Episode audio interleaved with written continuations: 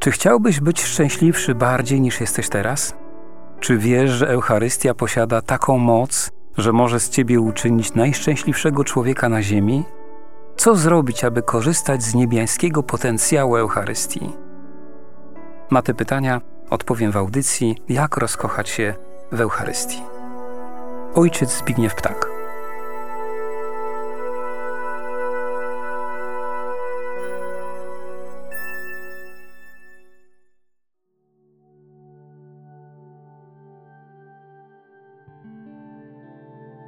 Kościół uczy nas, że na ziemi nie mamy większej świętości niż Jezus Chrystus obecny w liturgii. Dlatego pragniemy w sobie pogłębić świadomość Jego obecności. Tym bardziej, że jest On tak blisko nas, tak łatwo jest dostępny. Jeśli w tej bliskości brak będzie tego pogłębiania, może nam ta bliskość spowszednieć. Do rutyny stąd już tylko niewielki krok a wiadomo, że rutyna jest w stanie zabić naszego ducha. Dlatego pragniemy przed spotkaniem modlić się o to, aby świętość liturgii rodziła w nas drżące serce i świętą bojaźń. Módlmy się zatem. Wszechmogący Boże, ofiarujemy Ci krew Jezusa Chrystusa, krew wszystkich męczenników, cnoty i zasługi Jezusa, Maryi, Józefa i wszystkich świętych w połączeniu ze wszystkimi mszami świętymi, do tej pory sprawowanymi i tymi, które do końca dziejów będą jeszcze sprawowane, w intencji naszej żarliwej miłości do Eucharystii i w tej intencji, aby do końca naszych ziemskich dni był w nas głód Eucharystii. Spraw, Panie, abyśmy nigdy nie ulegli oziębłości i rutynie, która potrafi zabić ducha. Błogosławię Was wszystkich słuchających tego programu, tej audycji w imię Ojca i Syna i Ducha Świętego. Amen. W ostatnim naszym spotkaniu przed tygodniem mówiliśmy o kolekcie, która zamyka obrzędy wstępne mszy świętej. Jest ona najważniejszym elementem tej początkowej części liturgii mszy świętej. Kolekta zbudowana jest z kilku części. Najpierw kapłan wypowiada wezwanie: módlmy się. Po nim następuje chwila milczenia. Teraz akcja liturgiczna przenosi się na płaszczyznę naszego serca. Każdy z nas teraz winien wzbudzić w sobie intencję, z jaką przybył na przenajświętszą ofiarę eucharystyczną. Ważne jest, aby ta intencja była proporcjonalna do wydarzenia, w którym teraz uczestniczymy. A wydarzenie jest najświętsze, w jakim człowiek na ziemi może uczestniczyć. Następnie kapłan duchowo zbiera wszystkie nasze intencje, łączy je z modlitwą, która przewidziana jest na ten dzień, a zapisana jest w mszale, i przedstawia te wszystkie nasze intencje Panu Bogu. To, co najważniejsze, przypomnieliśmy w kilku zdaniach o kolekcie. A teraz przechodzimy do następnego rozważania, do rozważania na temat liturgii słowa. Wchodzimy zatem na jej teren. Powiemy tutaj o nauczaniu Kościoła, o Słowie Bożym, tym, czym jest to Słowo Boże, o obecności Jezusa w Słowie Bożym. Powiemy o mocy Słowa Bożego, o Jego sakramentalności.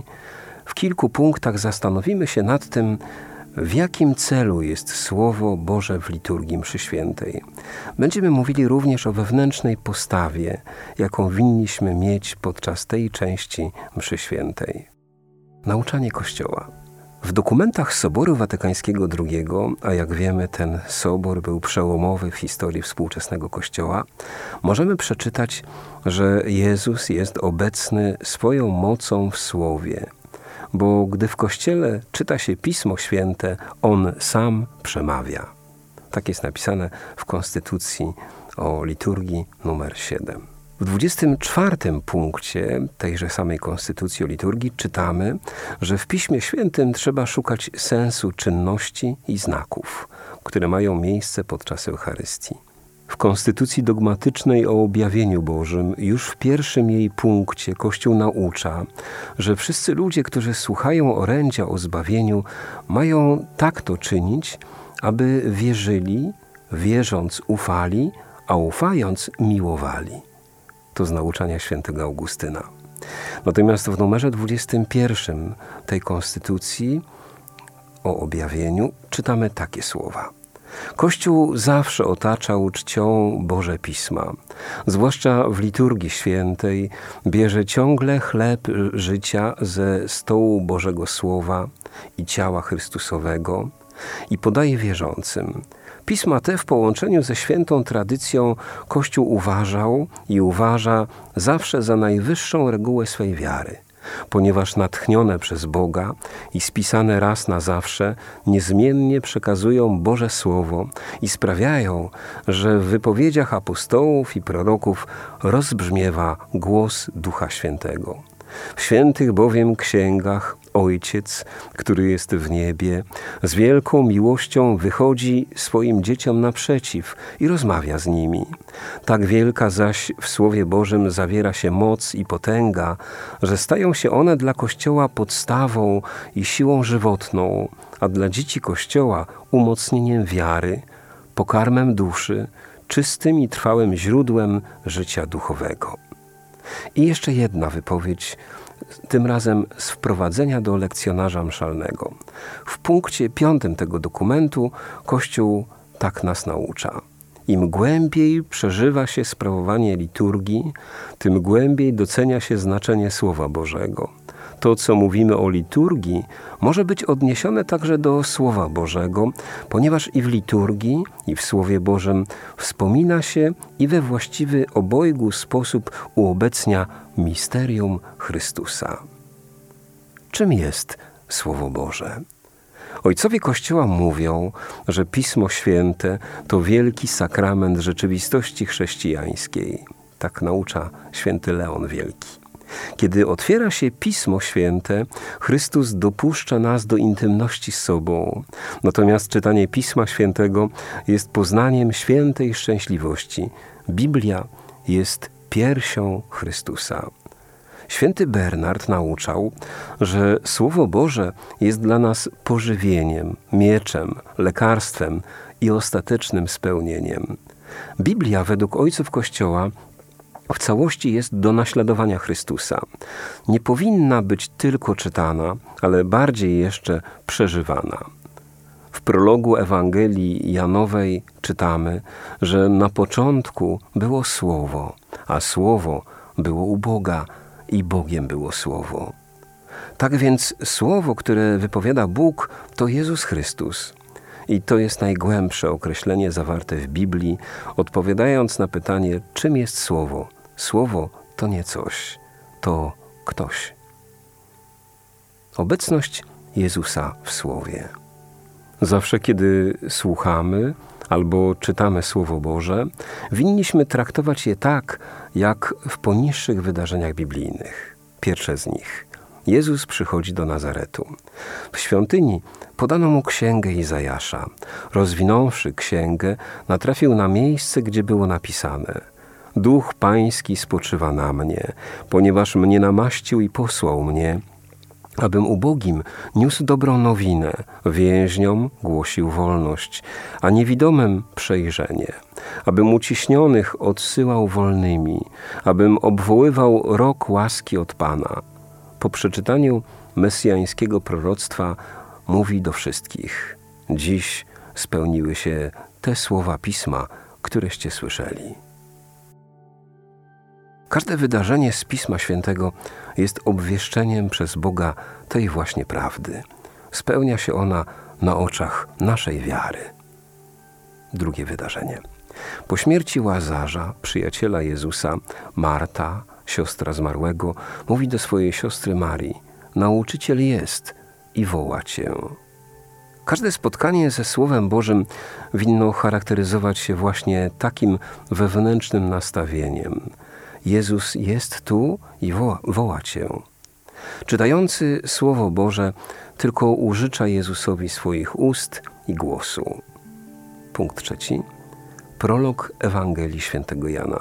Na początku było Słowo, a Słowo było u Boga i Bogiem było Słowo.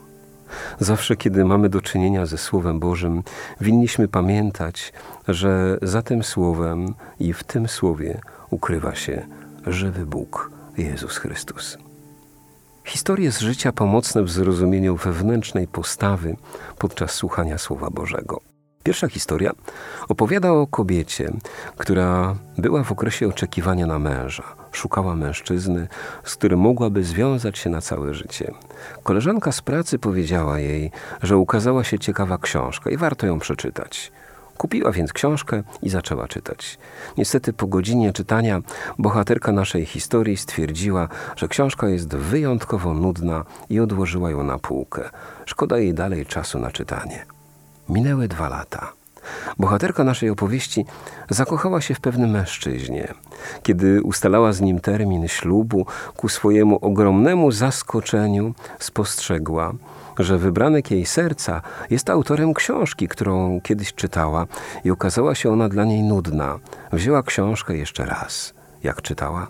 Z wypiekami na twarzy, jednym tchem, od deski do deski i to nie jeden raz. Jeśli Pismo Święte jest dla nas nudne, jeśli nie mamy potrzeby czytać go od czasu do czasu albo z potrzeby serca, to tak naprawdę może się okazać, że brakuje nam prawdziwej i autentycznej miłości do Jezusa. Druga historia, mówiąca o wewnętrznej postawie związanej z czytaniem Słowa Bożego i słuchaniem Go.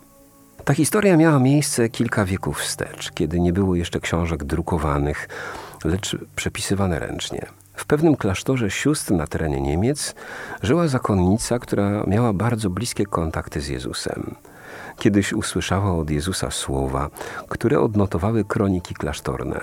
Owej zakonnicy Jezus powiedział takie słowa.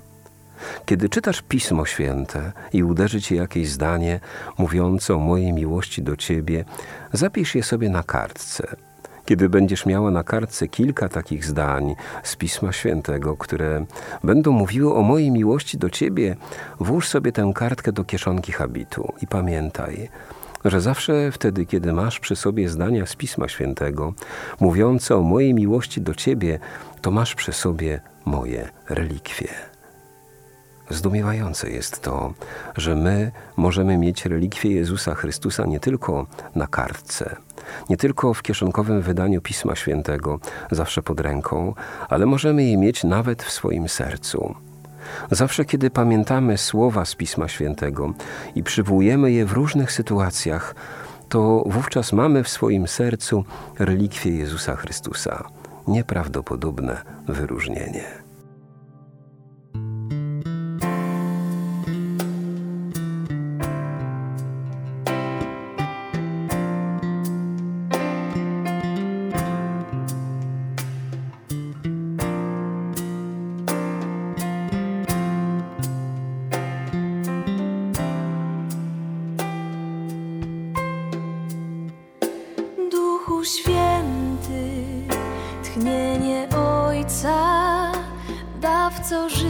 Życia.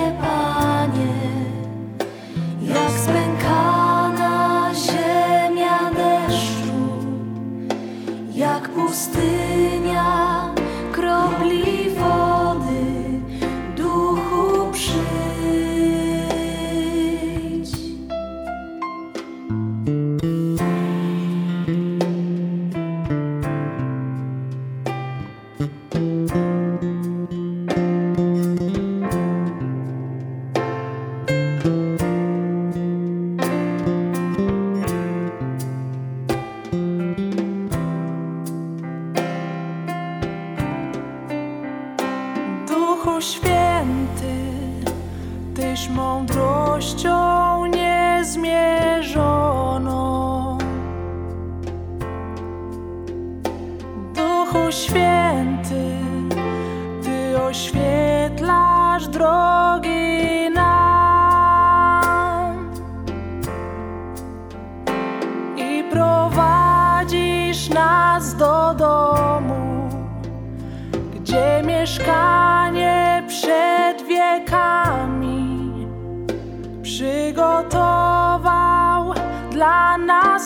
Deutsche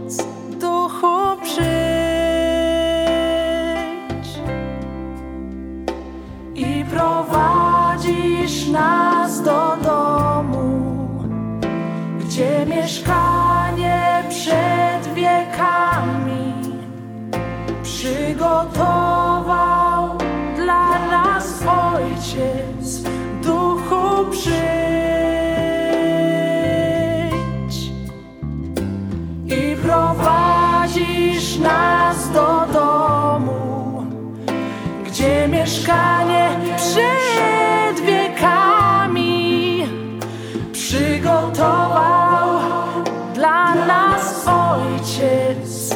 Duchu przyjdź. Tak pragniemy Ciebie, Panie, jak stękana ziemia deszczu, jak pustynia we.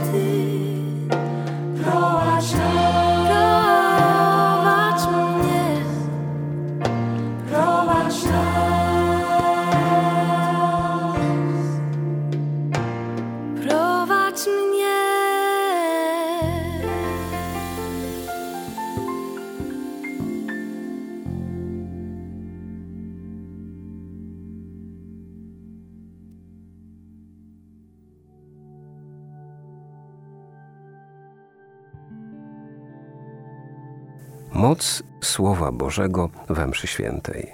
Istotą Eucharystii jest złożenie Ojcu w ofierze Jezusa Chrystusa, Jego Syna. Czynić to ma każdy z uczestników liturgii, choć inaczej to czynią kapłani, a inaczej wierni. Zewnętrzny akt ofiarniczy wymaga jednak ofiary duchowej, gdyż każda ofiara zewnętrzna ma sens dopiero wówczas, gdy jest wyrazem wewnętrznego oddania się przez człowieka Bogu. Liturgia słowa przygotowuje nas do współofiary. Ona woła o taką właśnie ofiarniczą postawę. Kult, który sprawujemy podczas mszy świętej, wyraża się w przyjęciu Bożego daru zbawienia.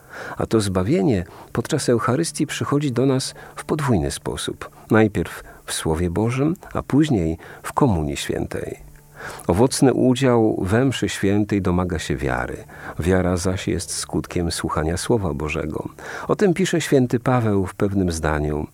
Wiara rodzi się z tego, co się słyszy, a tym zaś, co się słyszy, jest Słowo Chrystusa. Z listu do Rzymian. Gdy mówimy, że najświętsza ofiara Chrystusa jest pamiątką Pana, to jednocześnie uświadamiamy sobie, że czytania mszalne przypominają nam to wszystko, co związane jest z Chrystusem, głównie Jego nauczanie i cuda. Gdy zauważamy dziękczynny charakter Eucharystii, wówczas pamiętamy, że przede wszystkim liturgia słowa wzbudza w nas dziękczynienie za to wszystko, co jest naszym udziałem. Sakramentalność liturgii Słowa Bożego. W bardzo ważnej konstytucji o objawieniu Bożym napisano: Kościół miał zawsze we czci pisma Boże, podobnie jak samo ciało pańskie, skoro zwłaszcza w liturgii świętej nie przestaje brać i podawać wiernym chleb żywota, tak ze stołu Słowa Bożego, jak i ciała Chrystusowego. Nowość tego soborowego spojrzenia polega na tym, że w liturgii Słowa dostrzeżono inny jeszcze wymiar. W niej Słowo staje się chlebem żywota. Słowo Boże nabiera nowego znaczenia, kiedy proklamowane jest podczas boskiej liturgii.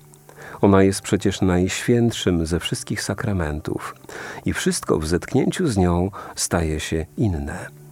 Również Słowo Boże, będące z nią nierozerwalnie związane, nabiera przez tą łączność nowego charakteru. Ono staje się również sakramentem. Choć jest to sakramentalność w nieco innym porządku, to jednak możemy mówić, że jest to sakramentalność. Święty Augustyn, mówiąc o Słowie Bożym, mówi o sakramencie słyszalnym, w odróżnieniu od sakramentów widzialnych, którymi są siedem tradycyjnie rozumianych sakramentów. Więź Słowa Bożego z Eucharystią. Niektórzy z nas pamiętają jeszcze czasy, kiedy liturgia mszy świętej sprawowana była po łacinie – a większość uczestników liturgii nie rozumiała języka liturgicznego. Wówczas udział wiernych w tym, co działo się na ołtarzu, był z natury swojej ograniczony. W tamtym właśnie okresie istniało takie przekonanie, że obrzędy wstępne i liturgia słowa są przygotowaniem do mszy świętej, takim wstępem do tego, co najważniejsze. A najważniejsza była, jest ciągle liturgia eucharystyczna. Skutek takiego podejścia był taki, że gdy penitent przychodził do spowiedzi z grzechem spóźnienia się na mszę świętą, spowiednik zwykle zadawał mu pytanie: W którym momencie liturgii przyszedłeś? Jeśli usłyszał, że wierny zdążył na drugą część mszy świętej, czyli na liturgię eucharystyczną, wówczas odpowiadał, że penitent popełnił tylko grzech lekki. Jeśli spóźnił się na liturgię eucharystyczną, popełnił grzech ciężki. Sobór Watykański II głębiej wejrzał w naturę boskiej liturgii.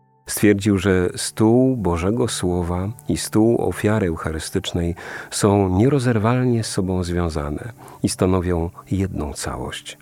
W naszych czasach posoborowych, jeśli chodzi o spóźnienie na Eucharystię, istnieje zasada, że jeśli nie było mnie na Ewangelii, wówczas traktowane jest to w taki sposób, jakbym nie, nie uczestniczył wcale w Eucharystii. Oczywiście mówimy tu o liturgii, która jest obowiązkowa pod grzechem, w niedzielę i uroczystość. W pozostałych sytuacjach sprawa wygląda inaczej. O tym będziemy mówić innym czasie. Dlaczego liturgia słowa we mszy świętej jest aż tak ważna? Powiedzmy sobie o tym teraz w konkretach. O niektórych z tych spraw mówiliśmy nieco wcześniej. Teraz usystematyzujmy to i dopowiedzmy. Punkt pierwszy. Słowo Boże czytamy we mszy świętej po to, by ono przygotowało nas do przyjęcia Jezusa Chrystusa w Komunii Świętej. Ono ma skruszyć nasze serce na tę najświętszą chwilę na ziemi. Punkt drugi. Słowo Boże, czytane podczas Eucharystii, ma być przez nas spożywane na podobieństwo spożywania Jezusa w hostii. Czyli mamy w sobie wzbudzić głębokie pragnienie komunii Słowa. Jezus w nim jest obecny w sposób realny i prawdziwy, ale nie substancjalny. Punkt trzeci. Podczas proklamacji Słowa Bożego intensywnie działa Duch Święty. On niejako przenosi nas w czasie i wówczas dokonuje się tak zwana anamneza. My jesteśmy uczestnikami tych wydarzeń, które są czytane. W jakim celu to się dzieje? Mamy pobyć trochę z Jezusem, poznać Go, rozkochać się w Nim, aby Komunia Święta przyniosła jeszcze większe owoce w naszym życiu. Punkt czwarty. Wypowiadane przez Boga we mszy świętej Słowo Boże domaga się odpowiedzi z naszej strony. Bóg mówi, a my odpowiadamy. Punkt piąty. Słowo Boże pokazuje nam, jaką strukturę posiada Msza Święta. Tą strukturą jest bezustanny dialog. Bóg mówi, a człowiek odpowiada. Punkt szósty. W liście świętego Pawła do Rzymian czytamy, że wiara rodzi się z tego, co się słyszy, a tym, co się słyszy, jest słowo Chrystusa. Punkt siódmy. W Biblii jest ponad 200 miejsc, w których Bóg nakazuje nam czytać Pismo Święte. Punkt ósmy. Słuchane z wiarą Pismo Święte posiada moc gładzenia grzechów. Dlatego na koniec Ewangelii kapłan czy diakon wypowiada słowa: Niech słowa Ewangelii zgładzą nasze grzechy. Punkt dziewiąty. Czytane we mszy świętej Słowo Boże uczy nas, że Bóg ukrywa się w znakach. I te znaki warto rozpoznać, aby głębiej i mocniej, pełniej uczestniczyć we mszy świętej. Wszystkich Was, drodzy radiosłuchacze, błogosławię w imię Ojca i Syna i Ducha Świętego. Amen.